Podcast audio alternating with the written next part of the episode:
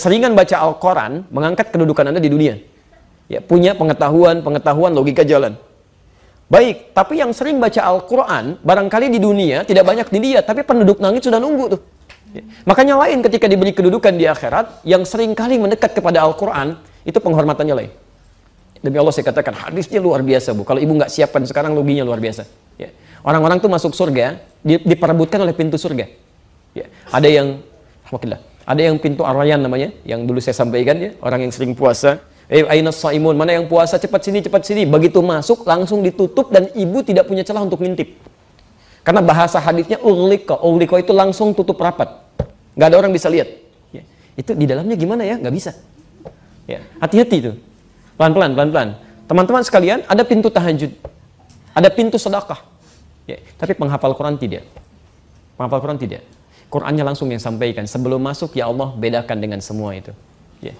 At-Tirmidzi nomor hadis 20.015. Ya. 2015, maaf, 2015. Ibu sekalian, lihat bahasanya. Allahumma halli. Ya Allah, mohon hiasi penghafal Quran ini. Bedakan dengan yang bukan penghafal Quran. Fayul basu ilaihi tanjul karamah. Maka dipakaikan di kepalanya mahkota kehormatan. Langsung pakai dia. Ini yang mau saya sampaikan. Kalau ibu belum menghafal, setidaknya siapkan keturunannya untuk bisa menghafal Quran atau fasilitasi orang lain untuk bisa menghafal. Ya. Masya Allah, tiba-tiba ketika dipakaikan mahkota di kepalanya, anak ini diberikan kembali mahkota lain yang minta dipakaikan di kepala kedua orang tuanya. Sepanjang orang tuanya beriman kepada Allah, tidak bermaksiat besar.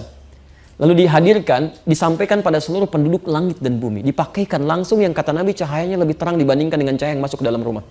Ya. Apa yang terjadi?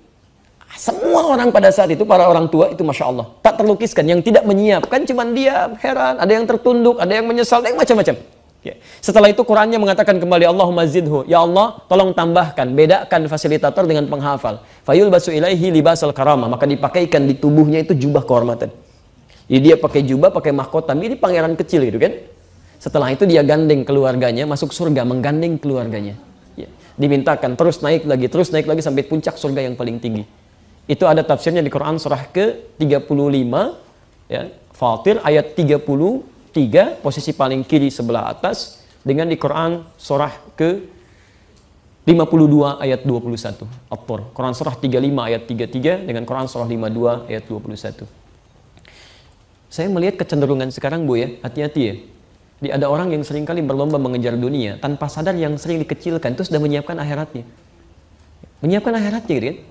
Ada anak yang ya ketinggalan-ketinggalan ternyata dia sudah hafal Quran gitu. Ibunya bergelir di belakang tuh. Dia kejar akhiratnya. Jadi dan banyak orang menyesal saat itu. Ya, karena saat saat orang masuk surga itu, itu bergantung salah satunya, tempatnya bergantung salah satunya dengan seringnya bacaan Quran yang dia baca. Ya. Jadi kalau ibu misalnya wafat dalam keadaan sering baca Quran 5 ayat 5 ayat itu nanti saat masuk surga diminta baca Quran yang biasa dibacakan. Ya. Iqra waqar. Sekarang kamu bacakan dan silahkan kamu naik sesuai dengan bacaan Quranmu. Fa inna akhir qiraatika akhir manzilatika. Akhir bacaan Qur'anmu di situ tempat tinggalmu. Jadi ketika ibu sampai ke wa ulaika humul muflihun, di situ tempat tinggal ibu. Tiba-tiba yang di sampingnya kemudian naik lagi terus sampai 10 karena dia baca 10 ayat. Maka yang lima kemudian menyesal, ya Allah, kenapa dulu saya nggak baca sampai 10? Yang 10 pun menyesal karena yang di atasnya ada yang sampai 20. Yang 20 menyesal karena di atasnya ada yang sampai 30. Ya, yang 30 juz terus naik, terus naik, terus naik sampai ke puncak paling tinggi. Itulah sebabnya anak-anak Palestina yang usia 4 tahun, 5 tahun, termasuk kami di Libya dulu gitu kan. Itu kalau Anda yang sudah hafal Quran 30 juz, temannya baru setengah Quran, dia akan katakan, ini canda anak 4-5 tahun. Nanti saya di surga dadahin kamu ya masih di bawah katanya. Bisa nggak ibu bayangkan?